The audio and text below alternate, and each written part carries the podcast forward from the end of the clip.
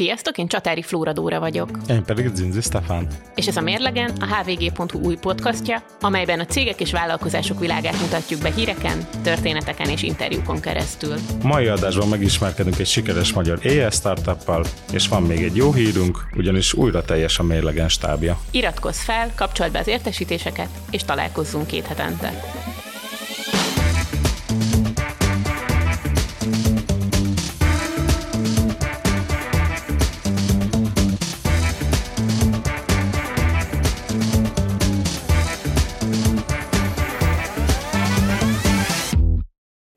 Sziasztok, kedves hallgatók, és szia, Stefó! Szia! Ahogy ebből is hallhatjátok, most uh, ismét teljes már a podcastünk csapata, úgyhogy a mérlegen az eredeti hagyományoknak megfelelően ismét hírblokkal fog indulni, amiben szó lesz az Airbnb-ről, arról, hogy egy vlogger hogy ment neki a világ egyik legnagyobb gyógyszeróriásának, fogunk beszélgetni burgerekről, csak hogy legyenek visszatérő témáink is. Itt lesz velünk Svejcer Antal, a Forage vezető innovatív technológiai szakértője, egy rövid támogatott beszélgetésre, és a, az adás második felében a mesterséges intelligenciáé lesz megint a főszerep. Itt lesz velünk Deliága Ákos, a Talkabot társalapító vezérigazgatója.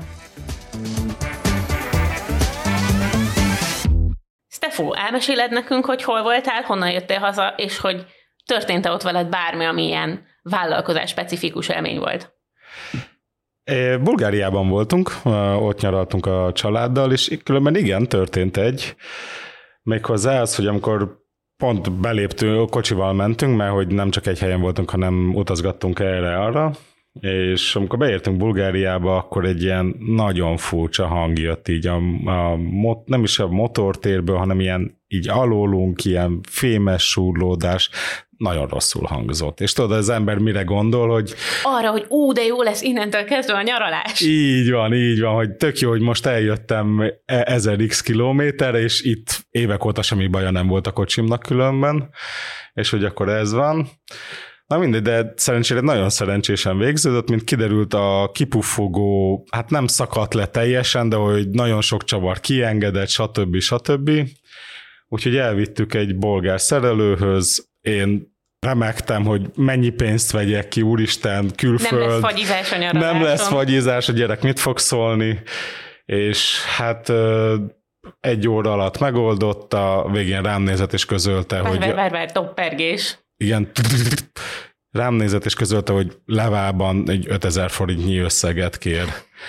És akkor így, elgondolkoztam, hogy itthon valószínűleg, hogyha ránéznek, már többe került volna. Úgyhogy ez egy elég jól végződő.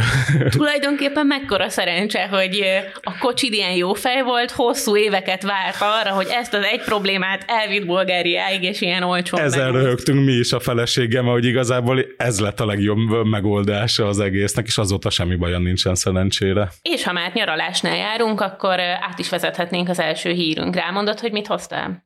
Mi most nem használtunk. Te szoktál különben Airbnb-t használni? Amikor utazol? Volt egy időszak, amikor kifejezetten sokat használtam.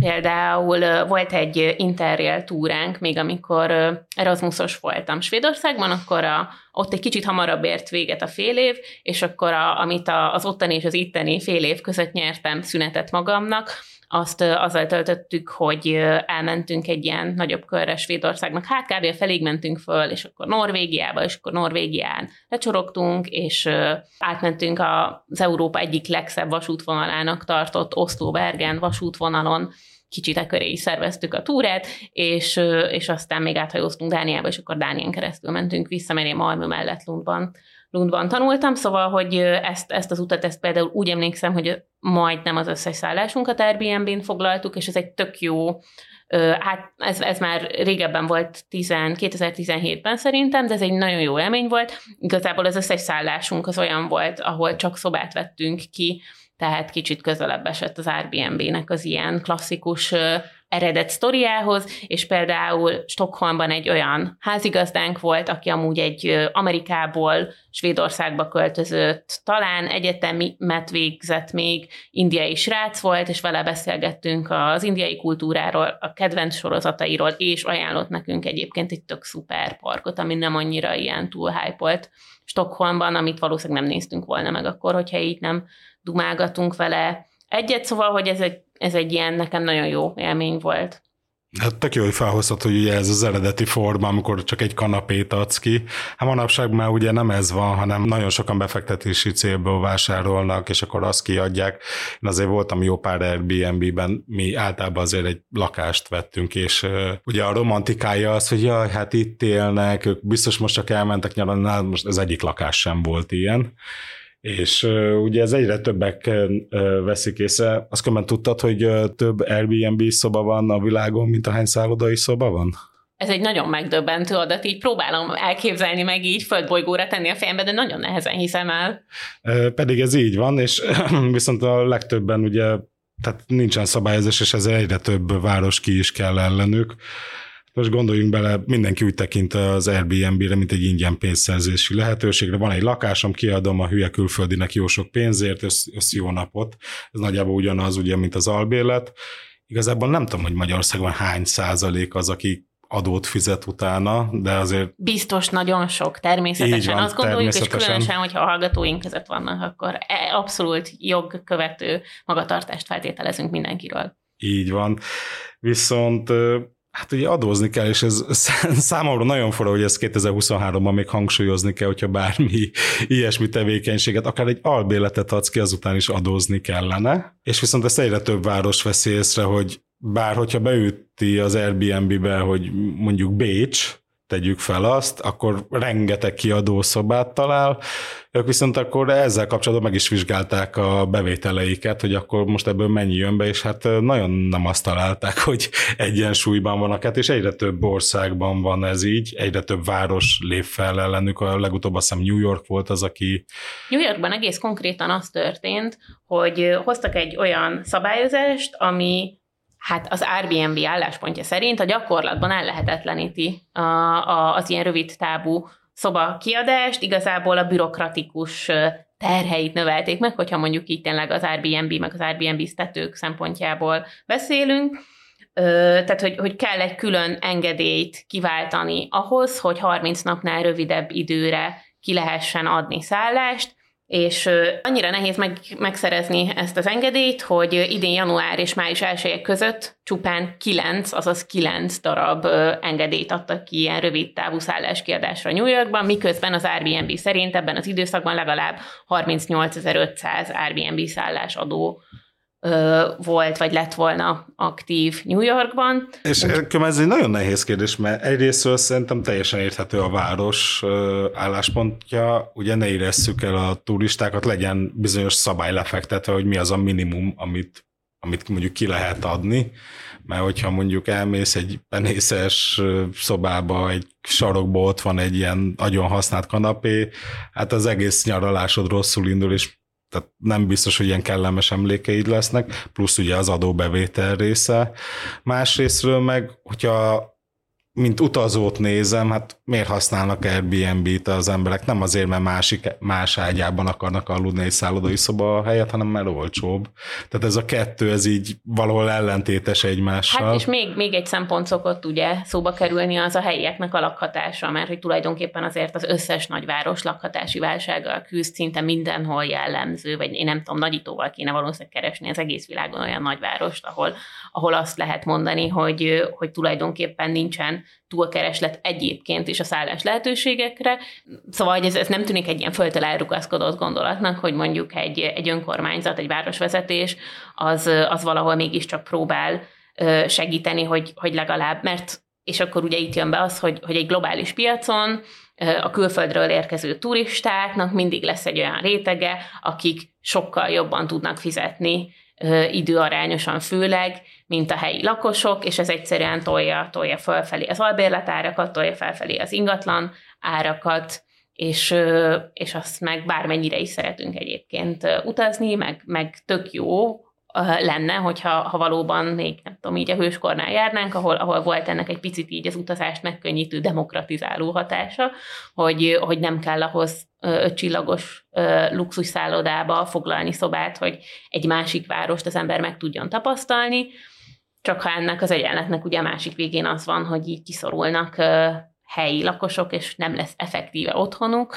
akkor, akkor az ellen valamit így, így nem olyan meglepő, hogy megpróbálnak tenni. Párizsnak a, a példájára van most előttem számadat, ez nem is a legfrissebb, mert ez 21-es, de tehát ez azt jelenti, hogy már ugye pandémia utáni, ahol azt mondták 21-ben, hogy 20 ezer lakás tűnt el a hosszú távú bérbeadás piacáról, és akkor például Párizsban 120 éjszakában maximalizálták azt, amennyi ideig rövid távra ki lehet adni egy évben a, a lakások számát, hogy ez mennyit segített arról, azért még nincsenek adatok. Hát az a kétségeink ne legyenek.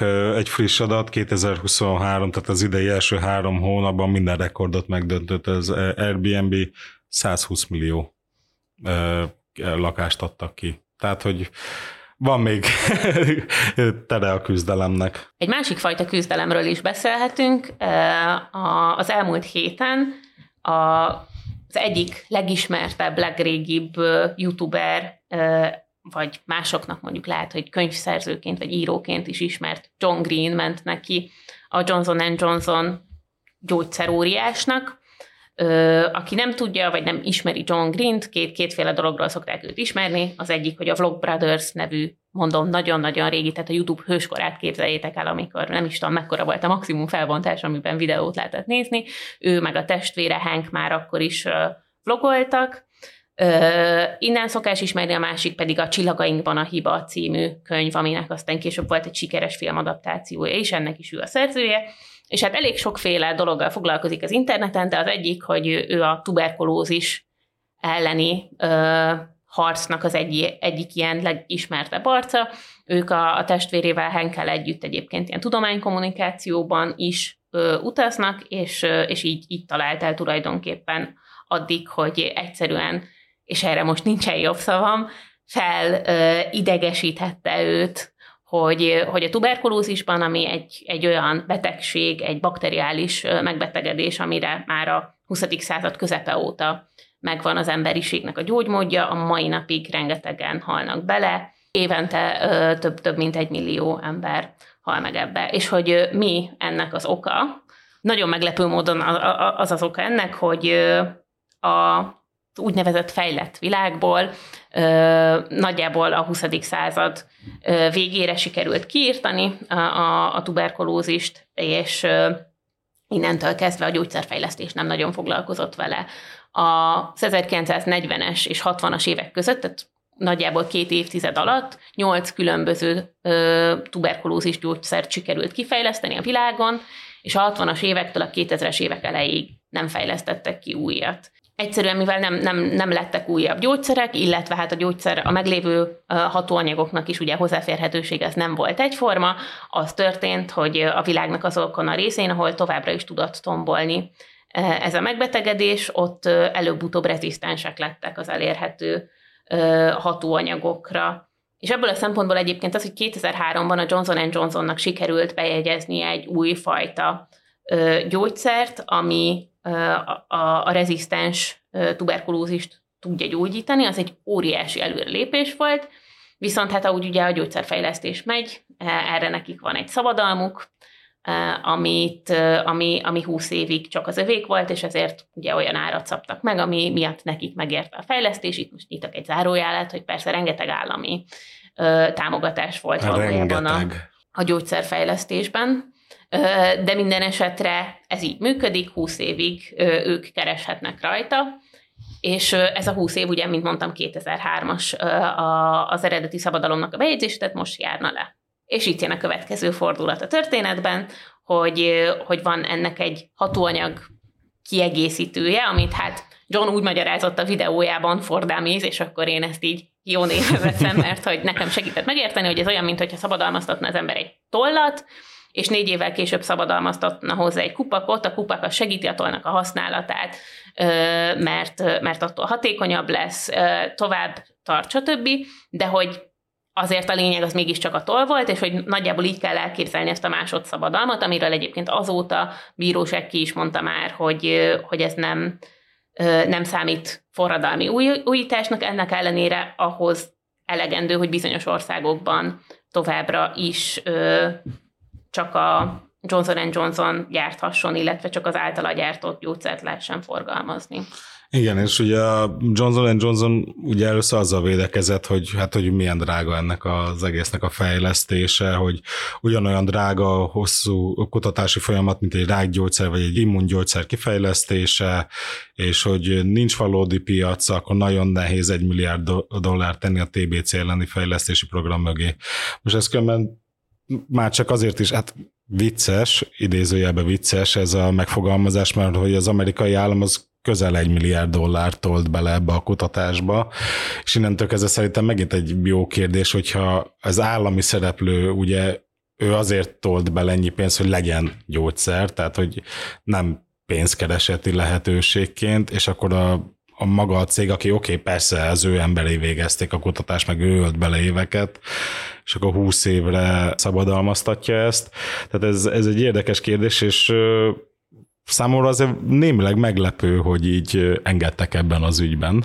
Hát ezért az engedtek az e, ügyben, kicsit előre szaladunk, ez, ez mondjuk Hát valamennyire Valamennyit engedtek, igen. Mert hogy ugye volt, ez, ezt talán még nem említettük, de hogy John Green arra hívta a nerdfightereket, az ő követőit, hogy Twitteren, Redditen, e-mailen, telefonon, bárhogy találják meg a Johnson Johnson-t, és mondják el, hogy ők ezzel Johnson Johnson termékeket vásárló felhasználóként elégedetlenek, és hogy, hogy azt nem tartják egy, egy, egy vállalható biznisz stratégiának, ami több millió ember halálához járulhat hozzá, mert egyébként ö, ilyen becslések szerint, ha még négy évig nem lesz olcsóban hozzáférhető ez a gyógyszer, akkor kb. 6 millió embernek a, a, a halála fog úgy bekövetkezni, hogy egyébként olcsóbb gyógyszerrel azért ez megelőzhető lenne.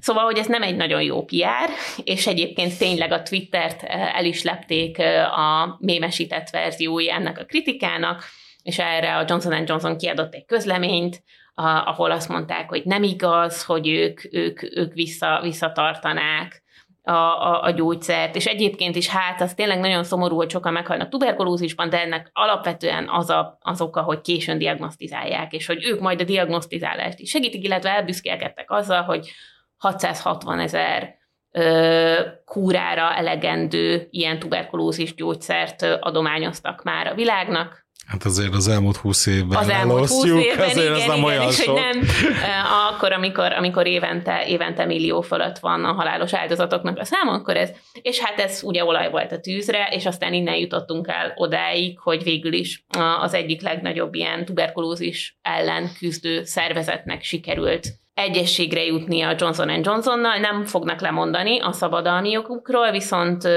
azt az ígéretet tették, és akkor itt még kérdője, hogy be fogják-e tartani, hogy a, a leginkább, a tuberkulózis által leginkább érintett fejlődő országokban lehetővé fogják tenni azt, hogy ennek a gyógyszernek, a levédetett gyógyszernek egy generikus változatát olcsóbban gyárthasson. Jóval olcsóbban, igen, tehát hogy hozzáférhető legyen. Ugyanakkor ugye azt is tudni kell, hogy azért nem minden országra van ez az egyesség, tehát hogy volt, aki felhívta a figyelmet, hogy például Oroszországra és a szovjet köztársaságokra ez az egész ez továbbra sem fog vonatkozni. Így hát maradtak még lyukak, úgymond, de azért én úgy gondolom, hogy mindenképpen előrelépés. Nem tudom, emlékszetem Martin Shkreli nevére? Nem, semmit nem mond nekem, meseld el, ki volt ő. Ő volt az, aki annó ugye bár jogszerűen, de mégis nagyon megemelte konkrétan az 55-szörösére egy éc gyógyszer árát, megvásárolta annó az egész Daraprim, úgy hívták a gyógyszert, megvásárolta, és megemelte. Tehát, hogy egyik napról a másikra ez egy létszükséglet a betegek számára, hatalmas felháborodás is volt belőle. Ő indokként ugyanazt mondta, mint a Johnson Johnson különben, hogy a nagyobb bevételből még hatékonyabb gyógyszereket fog majd tudni termelni és gyártani. Végül nem jött be, és kb. 20 milliárd forintnak megfelelő büntetés kellett végül befizetni, és egy életre eltították az orvos eszközök gyártásától. Ez azért nem ugyanaz, de tehát jó mutatja, hogy a gátlástalanság az annak azért valahol határt kell szabni. Hát illetve szerintem annak is jó példája ez a sztori, hogy alapból az influencerekre szerintem szokás úgy tekinteni, vagy az ilyen netes tartalomgyártókra, hogy ők ilyen két lábon járó reklámfelület, és hogy alapvetően csak még több fogyasztásra buzdítanak bennünket, és hogy egyébként lehet olyan karrierutat építeni, ami mondjuk szerencsés együttállás esetében ha nem is tud térdre kényszeríteni egy gyógyszeripari óriás, de mondjuk egy, egy fő, főhajtást nyit, azt így kicsikar. És ez a főhajtás és sok millió embernek jelentheti az életet. Igen, igen, és hogy talán ez a legfontosabb része, hogyha mondjuk jövőre nem fog már egy millió ember belehalni egy olyan betegségbe, amire megvan a megoldás, akkor elég, elég jól jöttünk ki ebből a dologból, és azt hiszem, hogy egyébként a Johnson Johnson is jól jött ki a dologból. Én is úgy gondolom. Történik influencerektől lett népszerű az a nagyon furcsa ilyen szörnyburger is, amit tájföldön dobott piacra a Burger King. Hát az egy filozófiai kérdés, hogy ezt lehet-e burgernek nevezni, mert ez tulajdonképpen két zsemléből, vagyis hát egy megfelezett zsemléből, két zsemledarabból áll, és közé tett 20, azaz 20 szelet sajtból. Nincsen benne semmi más, nem csak hús, de uborka, zöldség, szósz, semmi nincsen benne, minden esetre, főleg a TikTokon óriásit pörgött ez, hogy megkóstolják az emberek. Hogy És ehetetlen lényegében, ha jól láttam. Tehát én olyan videókat láttam, ahol az emberek azon küzdenek, hogy le tudják nyelni ezt az egyetlen egy falatot, amit abszolút megértek. Hát most gondolj bele, hússajt. Tehát én nagyon szeretem a sajtot, hamburgerbe kifejezetten kívánom, de 20 darab sajt, hát nem tudom. Tehát Számomra az... se volt egészen egyértelmű, hogy ez mennyiben tekinthető főt, és akkor itt most idézőjeleket képzeljenek a hallgatók főt kajának, mert hogy nem, nem derül ki az, hogy ezt a, ezt a burger zsemlét, meg, meg a sajtot legalább egy kicsit rámelegítenek-e, hogy összeolvadjon. Olyat láttam, aki hazavitte, és otthon megmikrózta, hogy olvadjon a sajt, és hát egyébként azért is tök nehéz ezt elfogyasztani, mert hát kalóriatartalmában is valami iszonyatosan megdobja egyébként. Hát az nap, vagy azon a héten már ne egyél többet, az biztos. Minden esetre ezt nevezték el az igazi sajtburgernek, ami érdekes benne, hogy, hogy sokkal olcsóbban árulták, mint, mint a sima sajtburgerüket, amiben ugye van némi zöldség, némi szósz, és egyébként marha hús is. Hogyha forintra átváltjuk, akkor ez a real cheeseburger, ez 1060 forintnak felel meg az ára, és a sima sajtburger az meg 3700 forint a Burger Kingben Tájföldön, szóval, hogy azt mondják, mert egyébként iszonyatos sebességgel. 3700 forint? Igen, egy Burger sajtburger. Atyaég. Szóval, hogy, hogy őrületes, őrületes mennyiségben fogyott a kampány elején ez a dolog, de hát én azért inkább azt gondolom, hogy ugye ezt azért csinálták, mert, mert végtelen sok tartalmat lehetett generálni, és abból a szempontból bejött, forgott a Burger Kingnek a neve. És hát bemész a Burger Kingbe, akkor már valószínűleg veszel mást is ez, ez is több, mint valószínű, hogyha betérsz, akkor nem csak egy ilyen gusztustalansággal jössz ki. Ami engem egyébként így megdöbbentett, hogy a recesszió közepén olyan szendvicset árulni, amiben 20 darab sajt van, hogy így tudod, egyből elkezdett a fejemben A trapista mennyire pörgött fel itt a kilós ára, igen. Igen, és egyébként megnéztem, hogy abból a szempontból, hogy viszont ugye minden más, többek között a marhahúst is kihagyják a, a burgerből, így van értelme, mert hogyha a sajtnak a drágulását nézzük, most kizárólag magyar piacra nyilván hmm. a KSH-nak az adatait tudta megnézni, akkor, akkor egy kilogramm trapista az 1720 forint volt 2019-ben, és a legfrissebb adatok szerint pedig 3270, tehát hogy az majdnem kétszeresére. De még így is visszaesett. De, de még így is majdnem kétszeresére nőtt. A, a marhahúsnak a drágulása ugyanebben az időszakban egy kilogramra vetítve az 2000 forintról ment fel 4600-ra, tehát hogy ott, ott azért Jelentős már 2,3-szoros drágulás van, és a másik dolog, amit megnéztem, egy egy boltban, hogyha meg akarnám csinálni otthon, mert hogy szerintem ebből a szempontból sem uh, nagyon eredeti a Burger Kingnek a csupasajtos mm. sajtburgere, hogy nagyon könnyű reprodukálni otthon. Hát, uh, szóval, hogy mennyibe kerülne, és uh, igazából arra jutottam, hogy hogyha ilyen eleve szeletelt csedár sajtot veszek, uh-huh. ami ugye drágább, de hát mennyivel kényelmesebb, meg kifejezetten hamburgernek árul dzsemlét, akkor igazából ez ilyen 2300 forintból megvan. Olcsóbb a Burger Kingben? Olcsóbb a táj, tájföldi táj. burgerkingben, igen, mint amiből otthon ezt kihoznám. Na tessék, akkor ez egy olyan étel, ami kivételesen olcsóbb tényleg az étteremben megenni. De nem is tudom, hogy igazából, hogy ez a jobb, vagy a lángosos fagyi. Arról hallottál? A, a lángosos fagyit én nem akartam elhinni, amikor először hallottam. Nem mondom, hogy megkóstolnám. Igazából lehet, hogy oda keverednék, akkor már csak azért is megkóstolnám. De Hogyha valamelyik hallgatónk kóstolta már, akkor azt nyugodtan kommentelje be, hogy milyen volt. Feltétlenül kommentelje be, hogy milyen volt. És akkor a mai utolsó beszélgetés témánkra egy OECD kutatást hoztam, ami megnézte, hogy a tagállamok között mely országban veszélyezteti a legtöbb állást a mesterséges intelligencia, és hát az a szomorú igazság, hogy Magyarország lett az abszolút első 36,4%-kal, tehát az OECD kutatása szerint az itthon végzett munkák 36,4%-at ki fogja váltani egy pár éven belül, azt hiszem öt éven belül volt a mesterséges intelligencia. Ez azért így elsőre megdöbbentően nagynak hangzik, hát az összes állás harmada. Egy picit talán, mintha finomabb lett volna. Én, én úgy emlékszem, hogy volt valami ilyen paraméterezés, hogy száz, száz paramétert vizsgáltak, hogy abból, és, és azokat a munkaköröket tartották veszélyeztetetnek, ami a 100 paraméterből legalább 25 olyanja van, amit képes lesz öt éven belül mesterséges intelligenciára épülő valamilyen megoldás kiváltani. De minden esetre Igen. ez nem változtat azon, hogy, hogy ezért, hogyha Magyarországon minden harmadik, vagy picit több, mint minden harmadik állást veszélyeztet a mesterséges intelligencia, akkor ilyen nem tudom, hogy miért nem verjük még a Hát sokan verik különben, sokan verik, erről szó is lesz majd az adás későbbi részében, de Ugye e, a kutatás szerint azért is jöhetett ki ilyen magas szám itthon, mert hogy azokat az országokat fenyegeti leginkább hát fenyegeti, e, ezt, ezt nem mondanám hogy ki, de majd visszatérünk, ahol magas a gyártási foglalkoztatottság arány és a rutin feladatok nagyon elterjedtek, amiket ugye nagyon könnyű automatizálni, és akkor itt Hát ez a klasszikus, amit régóta mondunk, az összeszerelő versus így van.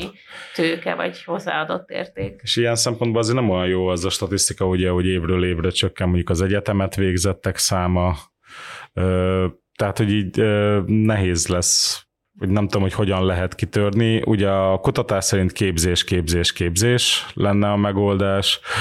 Hát itthon még ez az döcögve halad.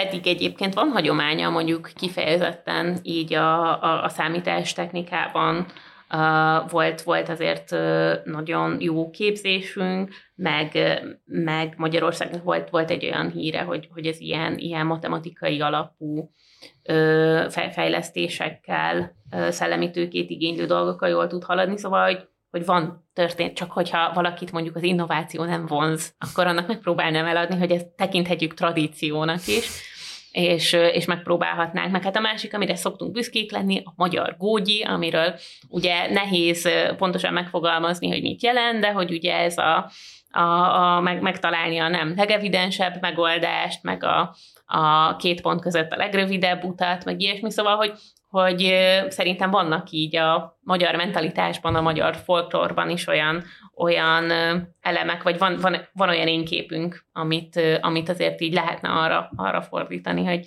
megpróbáljunk egy picit haladni a világgal. Hát van hova fejlődni, az biztos. Egy nemrég készült kutatás szerint cégvezetőket kérdeztek, 62% azt mondta, hogy még soha nem használt mesterséges intelligenciát, negyedüknek fogalma sincs, hogy használta már, elképzelhetőnek tartotta, hogy igen, de nem tudja, cégvezetőkről beszélünk még egyszer, és 13% mondta azt, hogy igen, mi már biztosan használtunk, de ami számomra nagyon úgymond elkeserítő adat volt az, hogy a mesterséges intelligencia jövőbeli alkalmazására mindössze 20% mondta azt, hogy tervez valamilyen fejlesztést, vagy, vagy gondolkodik ebben. Pedig igazából minden szakértő azt mondja, hogy minél hamarabb lépsz, annál kevésbé fogsz lemaradni, és hát vannak olyan cégek, nemrég akadt szembe, egy indiai cég, 250 ezer dolgozója van, tehát nem egy kis cégről beszélünk, az összeset átképzi mesterséges intelligencia használatára, csak hogy egyszerűen megismerjék a technológiát, hogy egyszerűen tudják, hogy miről van szó, ne féljenek tőle. Meg hát ez egy jó válasz lehet azokra a félelmekre is, a, Így van. ami szerint ugye a, e, e ezt az egész technológiai forradalmat csak onnan lehet megközelíteni, hogy elvesznek a munkahelyek. Igen, és ezzel kapcsolatban még akartam mondani, hogy igazából Persze mindig arról beszélünk, hogy milyen munkahelyet fog elvenni, de nincsen olyan kutatás, ami azt mondta volna, hogy ez mindig csak elvesz, mindig csak elvesz, hiszen folyamatosan ad is. Tegyünk fel mondjuk egy raktáros példa, ott a legkönnyebb automatizálni a dolgokat. Bejön a termék, az hova viszed, stb. stb. De ettől még nem fog elveszni annak az embernek a munkája, hiszen ezt a technológiát alkalmazni kell, karbantartani kell, és ezt továbbképzéssel akár ő is meg fogja tudni csinálni, ehhez elszántság kell. Hogy az megvan-e? Hát az már egy jó kérdés.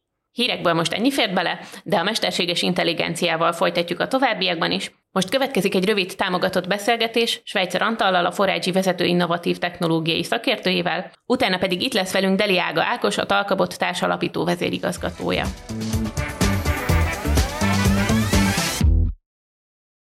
A mérlegemben rendszeresen foglalkoztunk azzal, hogy az elmúlt ö, évben elég nagyot ugrott előre mind a lakosságnak, mind a KKV szektornak a mesterséges intelligencia iránti érdeklődése, és ö, ez magával hozza az adaptáció kérdéskörét. Mint technológiai vállalatnál, a Forage-nél mennyire látták előre ezt a rohamos átmenetet, és mennyire lehetett felkészülni rá? Várható volt, a, megvoltak az előjelek, számos szakmai hírforrás, újságcikk számolt be ezekről, de kézzelfogható, úgymond kézzelfogható évvel is megvoltak. Például sok programok, Go programok, amelyek legyőzték a, az embereket, a sok nagy mestereket természetesen.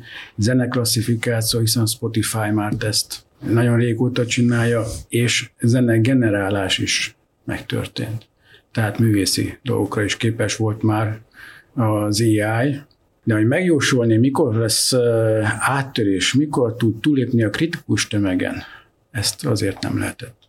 Ez most tavaly év végén megtörtént a ChatGPT-vel. Felkészülni rá, ez a nem várhatóra elég nehéz felkészülni természetesen. És a cégvezetőknél hozzáállásában látható ez a változás, ami mondjuk a hétköznapokban, hogy most már mesterséges intelligencia szó összetétel nagyjából minden nap elhangzik. Egy évvel ezelőtt ezért ez nem így volt. Ez, ez a cégvezetéseknél meglátszik, tehát akikkel önök kapcsolatban vannak? Én azt gondolom, hogy igen, úgy érzékelem, hogy, hogy várt, várják azt, hogy miben tudunk nekik segíteni, hol. Látják a fejlődés, az előremutatást, egyenlőre, egyenlőre nem tudják az utat. Mennyire tűnik ez most egy valós hype ami a mesterséges intelligencia körül van, borítékolható, hogy felforgatja ez az életünket, vagy inkább csak arról van szó, hogy most találkozunk valamivel, ami nagyon új, és ezért köti le ennyire a figyelmünket? A potenciál biztos, hogy benne van. Arra, hogy akár fel is forgassa az életünket, vagy jelentősen megváltoztassa. Ez ugye tőlünk függ, és a piaci versenytől, hogy mennyire lesznek rákényszerülve az emberek, a cégek, hogy versenyképességük megőrzése érdekében, vagy egyáltalán, hogy szolgáltatni tudjanak, bevezetik az új eszközöket, új megoldásokat.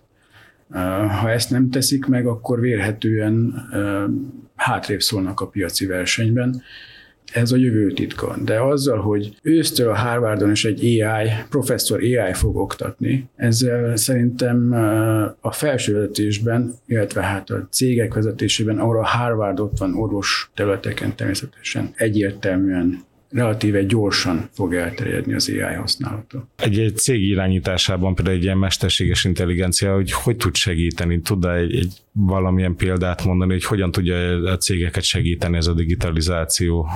Én az irányítás helyett inkább a működésre koncentrálnék, uh-huh. hiszen minden cégnél előbb-utóbb, tehát az a terület van előtérbe helyezve, ahol a bevételeket termelik. És későbbiekben jön össze be az irányítás is, hogy akkor a cég irányításában hogyan tudjuk használni az AI termékeket. Most a forage gondolok, akkor nálunk például a szoftverfejlesztési ágban mi messze menőkig használjuk az AI-jal segített szoftverfejlesztő eszközöket, illetve folyamatosan vizsgáljuk az új termékeket, hiszen ez nekünk a bevételt jelenti a szoftverfejlesztési üzletágban. Természetesen a felsőletésben és más területeken pedig vizsgáljuk azt, hogy a sok AI termék közül melyik az, amelyik használható, ad annyi pozitívumot, ezeket mindig meg kell vizsgálni megfelelően. Nem érdemes kapkodni. Az önök cégénél volt a dolgozók részéről mondjuk ellenállás, aki mondjuk féltettől a technológiától, vagy, vagy könnyű volt úgymond ez az átmenet? Az embereket mindig két rész lehet osztani, aki keresi az újat, és aki egy kicsit próbál ellenállni neki, hogy annyira le van terhe, hogy nem képes belemozdulni az újban, mert sok egymástól tanulnak a fejlesztők, tehát mhm. azért elmondják egymásnak, hogy mit, hogyan, mit kell csinálni. Így vagy úgy, vagy amúgy, de és akkor így egyszerűen legenerálja neked ezeket az osztályokat, nem kell vele foglalkozni, már csak az értelmet, a logikát kell beletenni, ami az üzleti logikát jelenti, és nem a körítést. Arra tud néhány példát mondani, hogy milyen mesterséges intelligencia alapú megoldásokat alkalmaz jelenleg a Forágyi? Az előbb is említettem, természetesen a szoftverfejlesztés területén az összes kód generáló, kód segítő túlokat nézzük, folyamatosan próbáljuk használni. A többi területen pedig vizsgáljuk az új eszközöknek a használhatóságát. Én azt gondolom, és remélem, hogy kollégáim a Forage-nál a ChatGPT-nek a lehetőségeit messze menőleg kihasználják minden területen, hiszen ez egy kreatív cég, és kreatívan ott lehet segíteni azért. Sok mindenben lehet használni a ChatGPT-t is. És a, látnak-e olyan területeket, amiben a jövőben úgy gondolják, hogy nagy segítség lehet a mesterséges intelligencia? Most még esetleg nem használják, de terve van véve, vagy csak gondolkoznak rajta? Vannak-e ilyen területek? Én személy szerint egy új humán interfészt várok előbb-utóbb. Én azt gondolom, hogy lassan a billentyűzet és az egér, mint beviteli eszköz, kezd lassú lenni és körülményes. Ugyanúgy, mint a, a forró billentyűzetek, ugye a hódkiek, és ma jelenleg is megvannak, és nagyon sokan használják, amikor nagyon kevés funkciót használnak egy szoftverben. Ugye a billentyűzet is meg fog maradni, meg az egér is természetesen, de előbb-utóbb lesz valamilyen új interfész, ami a beszéd és a mimikát együtt használva lesz képes a számítógépet és az embert úgymond még közelebb hozni egymáshoz. És mit érzékelnek az ügyfeleiknél, vagy pontosabban mit érzékelnek az önök ügyfelei abból, ahogy mondjuk már most használják a mesterséges intelligenciát? Tud segíteni a nagyvállalatok és a kisvállalatok között? A nagyvállalati területen azért nem egy megoldást szállítottunk már le. NLP szöveg, és szövegértelmezés, ipari automatizálás területen természetesen. A kis és középvállalatok egy kicsit messzebb állnak ettől még egyenlőre, tehát őket később fogja ez elérni szerintem. Közvetett szolgáltatásokkal előbb, szolgáltatóktól, ugyanúgy a lakosságot is, viszont a, a lakosságot, tehát a lakossági felhasználóknak javasolnám, és a kis és középvállalkozásoknak is, hogy azért szálljanak rá az évi 365 napból mondjuk 5-10 napot, vagy valamennyi kevesebbet, hogy egy kicsit ismerkedjenek ezzel az eszközökkel, mert, előbb-utóbb találnak olyat, ami hasznukra lesz. Ahogy ígértük, itt van már velünk Deliága Ákos, a Talkabot társalapító vezérigazgatója, akivel többek között arról fogunk beszélgetni, hogy Magyarországon a cégek mi mindenre használnak már mesterséges intelligenciát, mi mindenre használhatnának, amire még nem használnak, és hát persze arra is, hogy az ő cégüknek a termékei hogy néznek ki. Szia Ákos, köszi egyettel. Sziasztok, köszönöm a meghívást. Hello, szia. Tudunk azzal kezdeni, hogy egy kicsit a hallgatóinkat képbe helyezed azzal, hogy ti mivel foglalkoztok, mi ez a Talkabot? A Talkabot az egy chatbot szolgáltató cég, már maga a chatbot szót lehet, hogy, hogy egy, egy picit érdemes magyarázni, ez ugye egy mesterséges intelligenciával felokosított szoftver, ami végfelhasználóknak a kérdéseire automatikusan válaszol. Ebben ugye most van egy óriási nagy hype, mondhatom, vagy egy ilyen, ilyen nagy érdeklődés a technológia körül, mert hát kijöttek óriási technológiai újdonságok tavaly októberben, novemberben, és azóta mindenki ezen pörög. Alapvetően, ami, ahogy mi megfogjuk, hogy mi cégeknek építünk ilyen rendszereket, nem olyat, ami általánosan mindenre is tud válaszolni, tehát nem szerelmes levelet ír, meg, meg, meg eszét diákok helyett, hanem, hanem cégek ügyfélszolgáltat automatizálja leginkább. Másrészt pedig van Check CHQ néven egy másik üzletágunk, ahol pedig vállalati belső kommunikációt automatizálunk, ez, ez szuper érdekes, és ez amúgy a, a leggyorsabban növekvő termékünk itthon és külföldön, ugyanis mi kifejezetten fókuszálunk gyártó, logisztikai és kiskereskedelmi cégekre, ahol alapvetően nem irodai dolgozók vannak, és az ő vállalati kommunikációjukat digitalizáljuk és, és automatizáljuk is részben. Nekem, hogyha chatbotról van szó, akkor mindig az jut eszembe, hogy betáplálják a válaszokat, és azt fogja kidobni. Egy mesterséges intelligencia itt milyen plusz tud hozzáadni? Leginkább a, a megértést. Tehát, hogyha, hogyha beszélünk arról, hogy, hogy ugye az emberek elgépelnek dolgokat, más szórendet használnak, akár, akár hát elég furcsa dolgokat, mint több száz chatbotot üzemeltetünk, tehát látjuk, hogy az emberek hogyan használják a, a rendszereket, bizonyos szavakkal megtűzdelik a, a, a mondandójukat, akkor is a rendszer értse meg. Ez, ebben a mesterséges intelligencia nagyon-nagyon sokat fejlődött, és nagyon nagy pontossággal meg tudja állapítani, hogy mi volt az eredeti szándéka a költőnek, vagy hát Tehát ki, kiszűri lényegében a felesleges hozzáadott dolgokat? Kiszűri a lényeget, igen. Uh-huh. igen. Ez, és akkor ez mondjuk a természetes nyelvi értelmezés, hogy egy picit ilyen szakszóval mondjam, és akkor most, ami, ami ugye nagyot robbant tavaly, az a, az a nyelv generálás, tehát amikor válaszokat is generálunk. Ebbe azért én azt látom, hogy, hogy még komoly életveszélyek vannak, főleg, hogyha egy cég számára építünk chatbotot, azért gondoljunk bele, hogy mondjuk egy bank chatbotjával beszélünk, hogy egy gyógyszercég chatbotjával, vagy van olyan ügyfelünk, aki gyermekvédelmi jogi segélyszolgáltat üzemeltet, és még sorolhatnám ezeket a a, kritikus felhasználási területeket, akkor ott azért nem annyira jó, ha generálja a választ a, a rendszer, mert most nem tudom, a Magyar Nemzeti Banktól megkérdezik, hogy mi az irányadó kamat, arra egyetlen egy jó válasz van, nem kell különösebben generálgatni. Úgyhogy a, a, még a válaszoknál mi is nagyon vizsgáljuk, hogy, hogy ez a nyelv generálás, ez mennyire használható. És mondjuk miben különbözik ettől, amikor cégeknek a belső kommunikációjáról van szó? Rendkívül érdekes terület, és számunkra is igazából gyakorlatilag kutatásfejlesztésben vagyunk, mert amikor az arról beszélünk, hogy mondjuk egy, egy sajtó termék, vagy egy informatikai cégben belső kommunikáció, akkor sokszor ezeket a kollaborációs eszközöket vesszük figyelembe, hogy egymás között csetelünk, vannak csoportos csetek, van valami intranetszerű felület. Mondjuk gondoljuk bele, hogy ugyanez hogy néz ki egy gyárban, ahol szalag mellett dolgoznak emberek, tehát teljesen mások a dinamikák, alapvetően a, az egymás közötti csetet privát csatornáikon, az okos csatornán e, levezénylik, viszont van egy óriási e, szétkapcsolódás a, a dolgozók és a cég között. Tehát gyakorlatilag alig van kommunikáció, van egy közvetlen felettesük, akitől kapnak némi információt, van mondjuk egy parafatábla, konkrétan, vagy, vagy mondjuk egy tévé kihelyezve az ebédlőben, és mondjuk egy negyedéves magazin még nagyobb helyeken. Ami olyan szuper dolgokat eredményez, hogy mondjuk a karácsonyi bulinak a fotóit már a tavaszi számba ki tudják nyomtatni. E, ezt érezzük, hogy nem, feltétlenül annyira jó, és akkor ennek az a hatása, hogy, hogy az információ elkezd terjedni a privát csatornákon. Tehát nyitnak különböző chat csoportokat, mindenki mindenkivel, 10-20 chat csoport így, így megnyílik, és egész komoly több ezer fős cégeket tényleg ilyen Messenger meg Viber csoportokon keresztül irányítanak eh, meglepő módon.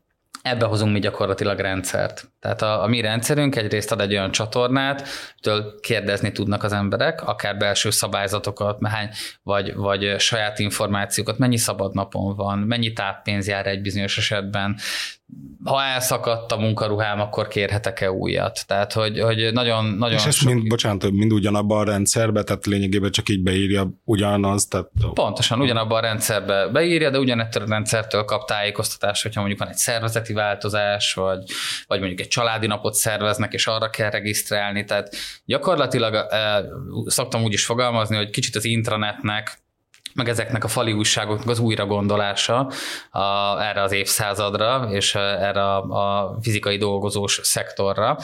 És hát mivel itt, itt tényleg valami analógot digitalizálunk, nagyon jó látni, hogy gyakorlatilag az a nagyságrendi hatékonyság növelés az, az megjelenik. Elkezdik a cégek több dologban kikérni a dolgozóknak a véleményét, apróságok kapcsán. Mert nagyon olcsó és nagyon könnyű ugye kikérni a véleményüket, nem kérdőívezni kell papíron, meg, meg azt feldolgozni. És akkor erre az egészre még ráöntünk egy kis mesterséges intelligenciát, akkor meg egészen elképesztő dolgok történnek. Tehát most Például? van olyan ügyfelünk, egy, egy gyártó cég, most ilyen 1500-an vannak nagyjából, hat nemzetnek a fiai dolgoznak ebben a, a gyárban. Én szoktam úgy mondani, hogy Bábel gyára. Elég, elég komoly, ugyanis magyarok mellett dolgoznak ukránok, törökök, vietnámiak, mongolok, dél-koreaiak, és nem tudom, meg volt a hat, de hogy nagyjából hmm. szerintem érzékelitek a, a dolgot. És ugye a, a HR osztályon, vagy a háttértámogatásban magyarok vannak, és akkor mondjuk kapnak 10 percet, hogy valami nagyon fontos dolgot, mondjuk egy következő napi műszak eltolódik egy karbantartás miatt, ezt 10 percen belül kommunikálják ki, nem tudom, az 1500 embernek hat nyelven, hajrá. Tehát ilyen esetben ugye a mesterséges intelligencia eszméletlen sokat tud segíteni, ugyanúgy ide költözik Magyarországra egy mongol azért, hogy dolgozzon, és mondjuk a, a munkásszállóján, nem tudom, csöpög a csap, vagy, vagy kiégett az izzó, és segítséget kell kérnie. Hogyan? Kitől? Milyen módon? Itt is beírja szép ékes mongol nyelven a, a rendszerbe, hogy segítséget kér, megadjuk a kapcsolatot, vagy rögtön eljutatjuk a kérését a, a megfelelő karbantartónak magyarul. És akkor ezt úgy kell elképzelni, hogy javarészt okos telefonok azok, azok az eszközök, amiket használnak a dolgozók ehhez? Abszolút. Igazából az okostelefon ellátottság az, az gyakorlatilag 120 százalék uh-huh. Magyarországon is. Azt látjuk, hogy persze mindenki, minden szervezetben van egy-két olyan ember, aki valamilyen vallási vagy egyéb hit okból nem használ okostelefont, de már, már az idősebb korosztály is mondjuk örökölt egyet az unokájától, vagy, vagy egy használtat vett, tehát tehát főleg amikor látják ennek az értékét, hogy, hogy milyen szolgáltatásokat kapnak ezen a rendszeren, nem kérdés, hogy a privát telefonjukat is szívesen használják erre. Vágynak az emberek információra, vágynak arra, hogy tájékoztassák őket, hogy kikérjék a véleményüket. Különösen egy munkahelyen az szerintem egy, egy elvárható dolog manapság ez így, ugye ez az elméleti része a gyakorlatban, azért gondolom biztos vannak úgymond vicceskedő dolgozók. Ezekre mennyire lehet, mint olyan randira hívja a chatbotot, vagy akármilyenekkel találkoztok? Érdekes módon a dolgozók között nem. Általában a, a rendszer bevezetését mindig a, gyárigazgató, a felsővezető mondja, tudják, hogy mondjuk a hárigazgató látja azokat az üzeneteket, amiket, amiket kérdeznek a rendszertől. Van a legtöbb rendszerünkben anonim kérdezési lehetőség is, ahol tényleg technikailag anonimizálva lehet bármit kérdezni, és még itt se jönnek a trollok. Itt is azt látják, hogy végre egy csatorna, ahol lehet kérdezni, és mondjuk olyan szervezetben, ahol a cég szintű bizalom, vagy a vezetőség felé a bizalom alacsonyabb, ott, ott ez, egy, ez egy nagyon-nagyon komoly lehetőség arra, hogy bizalmat építsen a vezetőség. Hogyha kérdezik őket anonim módon, válaszolni uh-huh. fog a, a vezetőség, akkor, akkor ezt, ezt nagyon értékelik a kollégák. Tényleg itt apróságoktól kezdve, hogy nem tudom, valamelyik eldugott WC szörnyű állapotban van addig, hogy mikor szabadítják fel a parkolóhelyeket az építkezéstől, azon át, hogy nem tudom, idén is lesz a karácsonyi bónusz, ezt elkezdik kérdezni az emberek, releváns kérdések jönnek. Nem, nem, nem hallottunk még trollkodást. Persze az ügyfélszolgálati chatbotokon, ott, ott azt mm. szoktuk mondani, hogy minden robotunkkal akartak szexelni. ez, ez, ez teljesen elfogadott, hogy vagy normális valahogy, hogy az emberek tesztelik mégis, hogy mit válaszol, érti-e, poénkodik-e valamit, úgyhogy próbáljuk is így kezelni. Erre egyébként ezt akartam kérdezni, hogy hogyan lehet reagálni, hogyha mondjuk az ügyfél szolgálatos chatbototokat elkezdik tesztelgetni a felhasználók. Hát ez a cégnek az egyik nagy értéke amúgy, hogy hogy a több száz chatbotból ugye mi gyűjtjük ezeket a viselkedési meg kommunikációs mintákat, tehát van is egy ilyen tudásbázisunk, ami az általános kérdésekre válaszol itt időjárástól kezdve a politikán át az ilyen pikánsabb dolgokig e, minden benne van, és akkor az ügyfél márkájára szabva készítjük el a válaszokat. Tehát egyértelmű, hogy, hogy a közműszolgáltató kevésbé poénosan reagál, e, mint mondjuk e, egy, egy gyors étteremlánc, de, de még a közműszolgáltató szolgáltatónál is, amikor megkérdezik, hogy mi az élet értelme, akkor azt válaszolja, hogy gyere vissza 5 millió év múlva, és megmondom. tehát, tehát, hogy kicsit ilyen popkulturális referencia van. A gyors láncnál ott, ott meg azt mondja, hogy bocsi, most nem megyek el veled randizni, mert egy időjárás alkalmazással járok. tehát, tehát tényleg így a, a márka arculathoz próbálják igazítani, és ezt nagyon értékelik a felhasználók. Főleg a ChatGPT-nek köszönhetően most nagyon benne van a köztudatban az, hogy, hogy mi ez a chatbot, ezt így érzékeltétek a saját vállalkozásotokban, hogy sokkal könnyebb mondjuk, amikor új ügyféllel tárgyaltok, vagy, vagy új, új ügyfélnek kell elmagyarázni ezt, hogy mit csináltok. Abszolút érezzük az attitűdnek a, a változását, meg ugye mi aktívak vagyunk Bulgáriában, Romániában, Lengyelországban, és ott is látjuk, hogy hogy mekkora a, a nyitottság ezek felé, a technológiák felé, érdekes összehasonlítani, és akár a, a magyaroknak a, az attitűdjét. Azért a cég most már több mint hat éve működik, szerintem legalább 500 céggel kapcsolatban voltunk ez alatt az időszak alatt, és, és beszéltünk. Főleg az elején én mindig azt mondtam, hogy nem is az alaptermékünket adtuk el, hanem innovációt adtunk el. Tehát olyan cégeknek tudtunk eladni, akik az innovációra nyitottak voltak, és szerettek volna élen járni. Azért ma már azt látjuk, hogy ez, ez egy bizonyított bevált technológia, és gyakorlatilag ez az, ami most már nem kérdés. Tehát mondjuk akár egy évvel ezelőtt itt ülünk, lehet, hogy titeket se érdekelt volna annyira ez, a, ez az egész mesterséges intelligencia téma, azóta robbant fel, és, és gyakorlatilag győzködni kellett a cégeket, hogy igen, ez megéri, igen, ennek van jövője, igen, ez tud elég jó válaszokat adni. Ki se próbálták, lehet, hogy az volt benne, hogy ja, igen, vettem én egy iPhone 10 évvel ezelőtt, és akkor még az nem volt jó. Tehát ezek, ezek nagyon benne vannak, és gyakorlatilag ez az egész chat GPT is hype, ez annyira átforgatta, hogy senkiben sem lehet kérdés azzal kapcsolatban, hogy ez a technológia működik-e, hogy ez értéket teremte. Ez, ez megváltozott. Ennek ellenére azért, azért azt látjuk, hogy, hogy ez a ez a halogatás folyik, leginkább én úgy tudnám eh, mondani, hogy van egy, egy nagyon eh, feszült gazdasági helyzet, amiben a, a cégek azért próbálnak ugye az emberi erőforrásokat megtartani, meg, meg eh, normálisan, emberségesen viselkedni, és, és hogy az ilyen innovációra, fejlesztésre, hanem is innováció, csak simán egy fejlesztésre nehezen szánják rá magukat. Tehát a, a döntések nehezen születnek. Én ezt tapasztalom. Ez itt, mondjuk bocsánat, a... itt költségvonzat, mert hogy hú, technológiába kell fejleszteni, ez biztos nagyon drága. Ez van a fejekben, vagy, vagy alapból maga a fejlesztés, ami én azt, azt látom, hogy minden cégnek van nagyon sok lehetősége, hogy mibe fektet bele. Tehát van mondjuk legyen egy százas listánk, és ebből mondjuk a top 5-be fektet bele. És a top 5 az annyira tele van ilyen, ilyen tűzoltási jellegű hmm. projektekkel, amivel foglalkozniuk kell, hogy, hogy erre már nem jut figyelem, nem jut idő. Látják, hogy megtérülne gyakorlatilag. Most már az odáig jutott, hogy a, hogy a chatbot bizonyítottan a leggyorsabban megtérülő digitalizációs projekt. Gyakorlatilag ilyen minden cégnél 6 hónap alatti a megtérülés, általában 3 hónap körüli, tehát gyakorlatilag éven belül megtérül. Szoktam úgy is hogy nem büdzsét kérünk, hanem hogyha nem kezdi el velünk a projektet, gyakorlatilag extra költséget okoz az adott cégnek, tehát, tehát tényleg egy ilyen fordított logikával minél hamarabb bele kell vágniuk. A, a másik pedig az emberi oldala, hogy, hogy mindenki attól fél, hogy ez sok munka lesz hogy, hogy ezzel mennyit kell majd foglalkozni. És ez a, ez a nagyon nagy visszatartó erő. Itt is, hogyha találunk egy olyan projektgazdát vagy felsővezetőt, aki nagyon elkötelezett a téma iránt, akkor könnyű, szívesen csinálják, élvezik a, a projektet, akár munkaerő megtartásban nagyon fontos lehet. Például az ügyfélszolgálati témában nem mindegy, hogy az ügyfélszolgálatosnak azt mondjuk, hogy a beérkező gyakori visszatérő kérdéseket kell állandóan napi több tucatszor megválaszolni, nem tudom, mikor nyit a bolt, mikor zár a bolt, nyitva van-e délben a bolt, mm.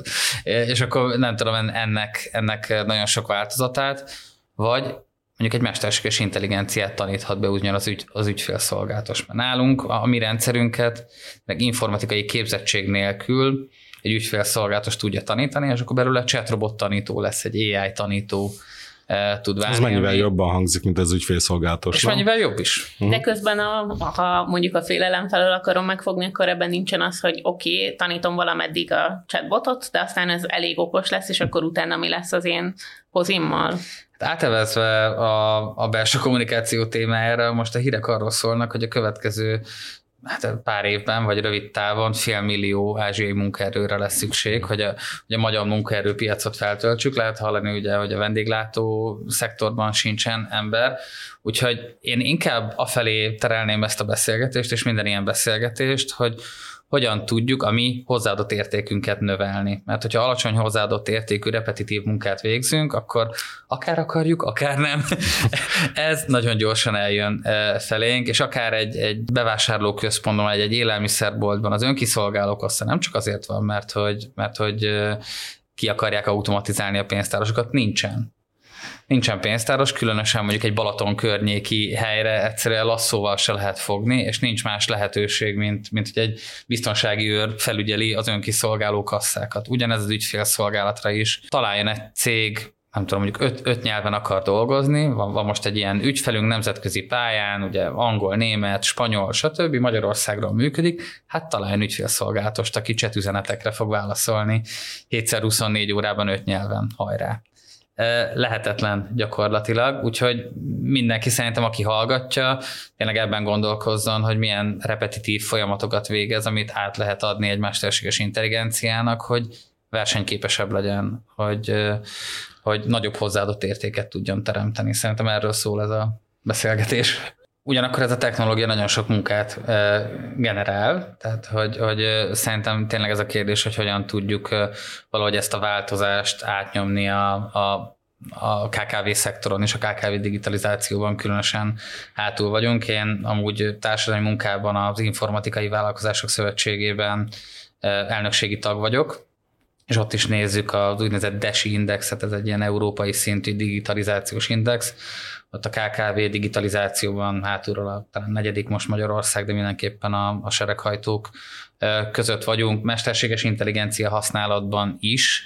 Egy ilyen érdekes dolog, hogy mindenkinek ott van a kezében egy, egy különösen cégvezetők, akikkel találkozunk, egy top kategóriás okostelefon használ, mondjuk hangfelismerést, privát életben használja, ugyanakkor mondjuk egy, egy számlafeldolgozást, vagy, vagy, vagy akár sokkal alapabb dolgokat meg teljesen kézzel, akár papíron csinálnak. Tehát látunk sok olyan helyet, ahol ahol mondjuk nem tudom, vágóhídon konkrétan egy ilyen hangos bemondóval tájékoztatják a, az embereket, és aki, aki szabadságon van, vagy beteg, az egyszerűen nem, nem jut el hozzá az információ, vagy mondjuk egy ebédmenüre kinyomtatnak egy Excel táblát, és be kell x hogy ki mit kér, és aztán kézzel feldolgozzák. Ugye gyakorlatilag gondoljunk bele, nem készül analóg módon információ számítógépen készül, kinyomtatjuk, aztán, aztán meg valahogy szenvedünk vele, hogy, hogy visszategyük.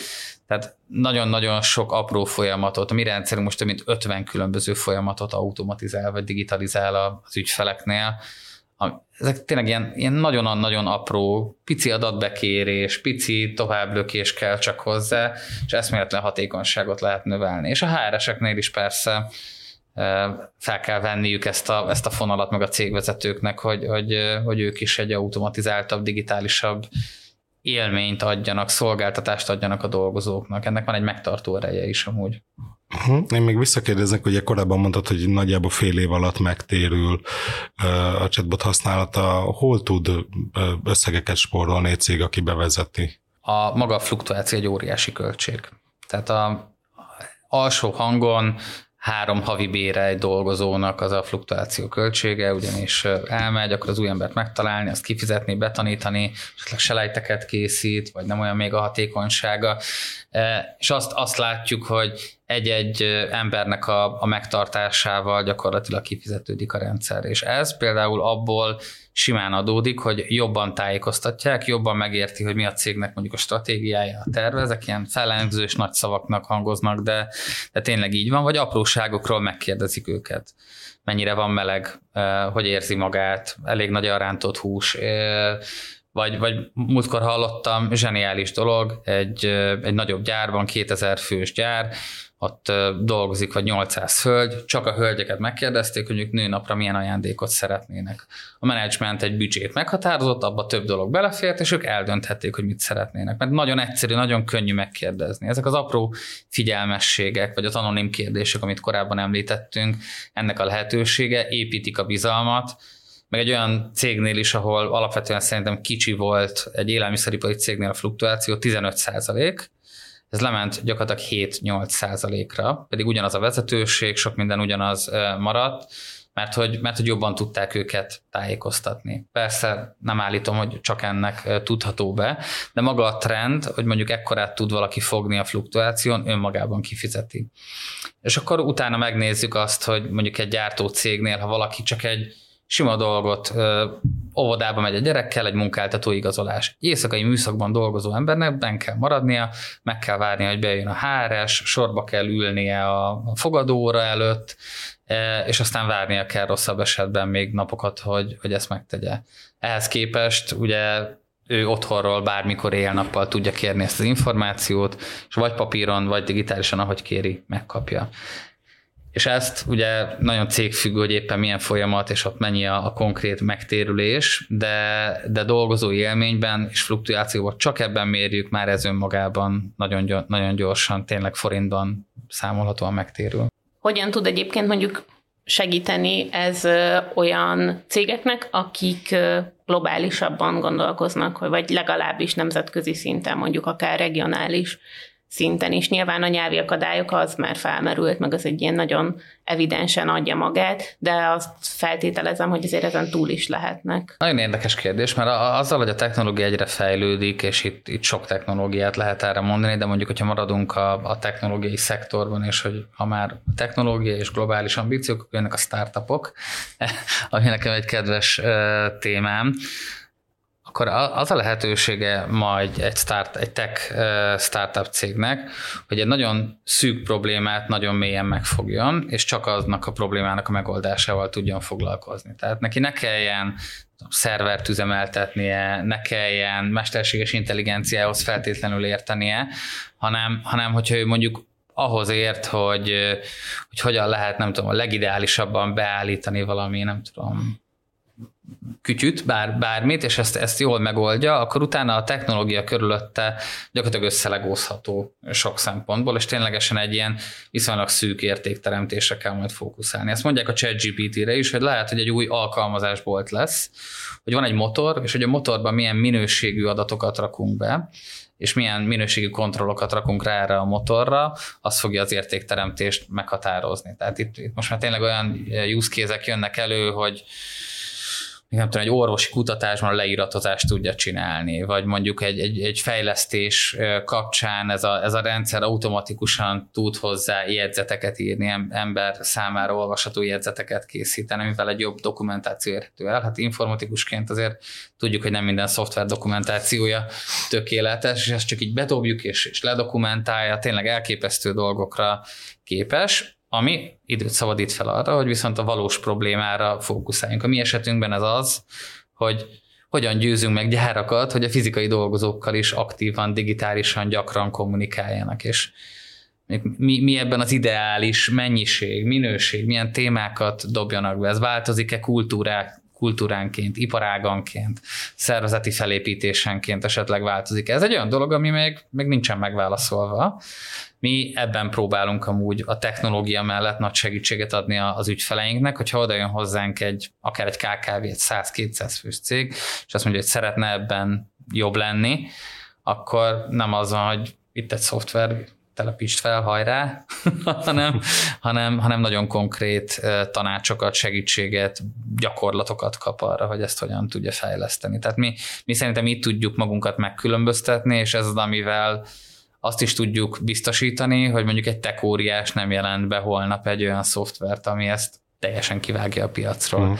Egyik pillanatról a másikra, ugye ez is egy óriási kockázat, hogy most itt nem tudom, egy, és egy magyar környezetben halljuk, hogy milyen összegek forognak, eh, valaki AI-t fejleszt, hát eh, hajrá, de, de, de azért itt komoly milliárd dollárok pörögnek a, a, a piacvezetőknél, és ez nem annyi, hogy itt nem tudom mi okosabbak vagyunk, vagy, vagy, vagy valami, hanem erre rátettek végtelen mennyiségű adatot, végtelen mennyiségű szervert, és addig reszelték, ameddig, ameddig jó nem lett, nagyon-nagyon sok pénzből. Úgyhogy amúgy mi sem konkrétan fejlesztjük a mesterséges intelligenciát, hanem nyílt forráskódú elemekből, ilyen legókból rakunk össze egy üzleti megoldást, ugye, ami egy üzleti problémát old meg.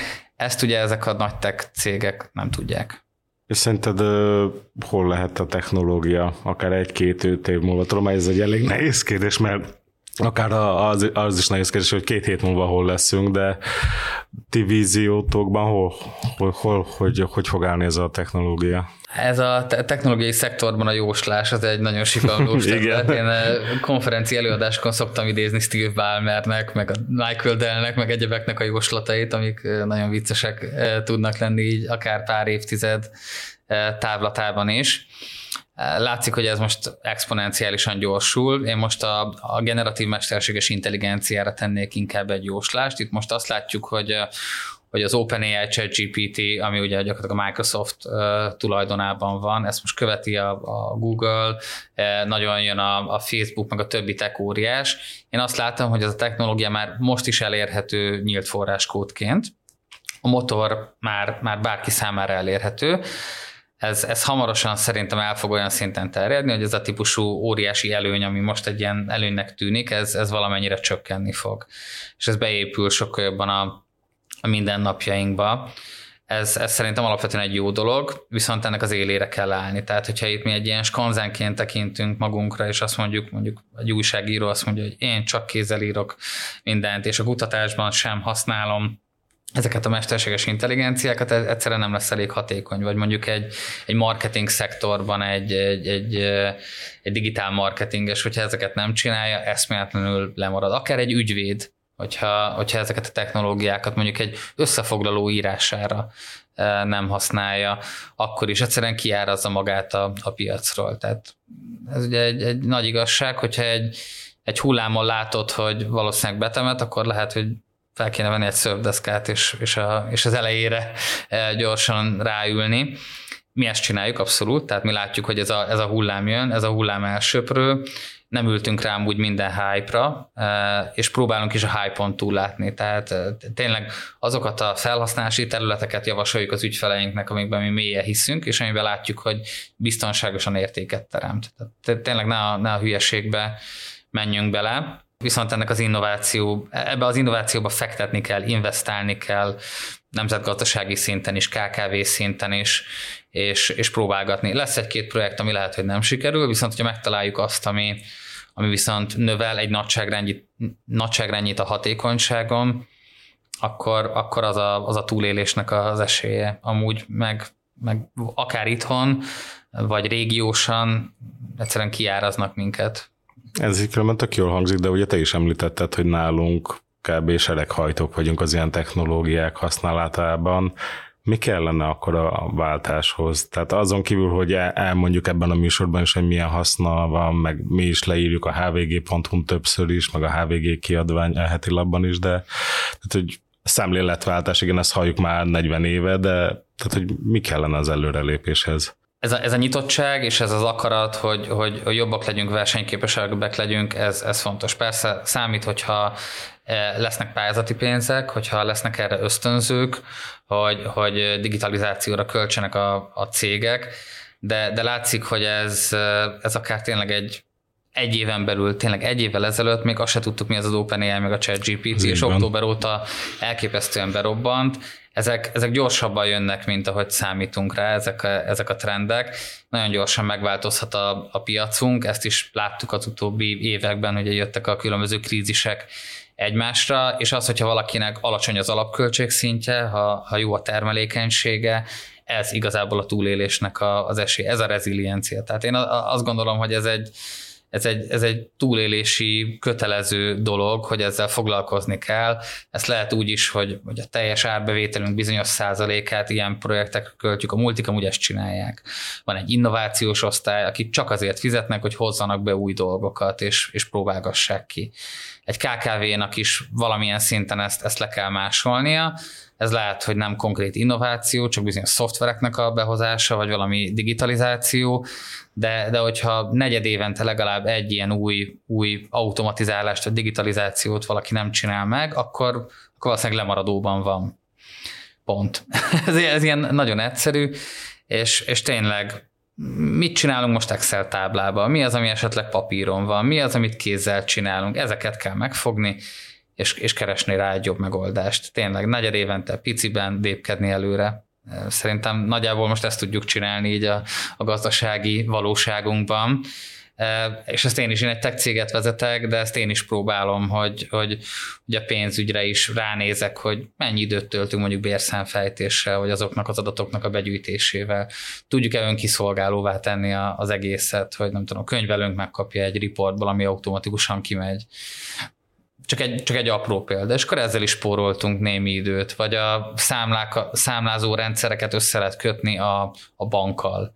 E, ez is egy viszonylag új dolog, nem biztos, hogy mindenki megcsinálta. És akkor, ha ezt megtettem, akkor automatikusan látom, mikor jön be pénz, mikor járnak le, már megint időt spóroltam. Sales és CRM rendszerek, nekem egyik legutáltabb dolog időpont egyeztetéseket csinálni, hogy jövő héten rájössz, akkor nem. Oké, okay. mire visszaírok, már betelt a naptára, van egy nagyon egyszerű link, amit ki lehet küldeni, belelát a naptáramba, és lefoglalhatja a másik azt, hogy, azt, hogy Tehát ilyen, ilyen e-mailekre én sose válaszolok, hogy mikor érsz rá, itt egy link, foglalj magadnak, szervusz. Annak is jó, aki foglalja, nekem is jobb, szerintem csak ezzel én ugye nagyon sok tárgyalásra járok, havonta egy órát legalább spórolok. és ez egy apróság tényleg, ez gyakorlatilag egy ingyenes dolog, nem, nem, nem teszek időpont javaslatokat. Tényleg lehet, lehet sorolni ezeket az apróságokat. Nagyon sok olyan ügyfélel találkozunk most, aki, aki az ügyfélszolgálati területen nem ott van, hogy mondjuk van száz ügyfélszolgálatosa, és szeretne abból kirúgni, hanem hogy nulla ügyfélszolgálatos van, és szeretne úgy jó szolgáltatást nyújtani, hogy nem is vesz fel ügyfélszolgálatost.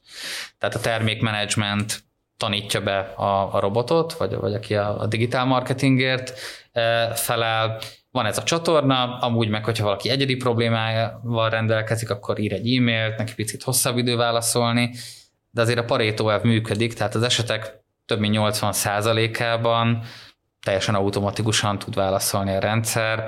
Nálunk egy jól beállított chatbot gyakorlatilag az esetek 95%-ában jó választ ad.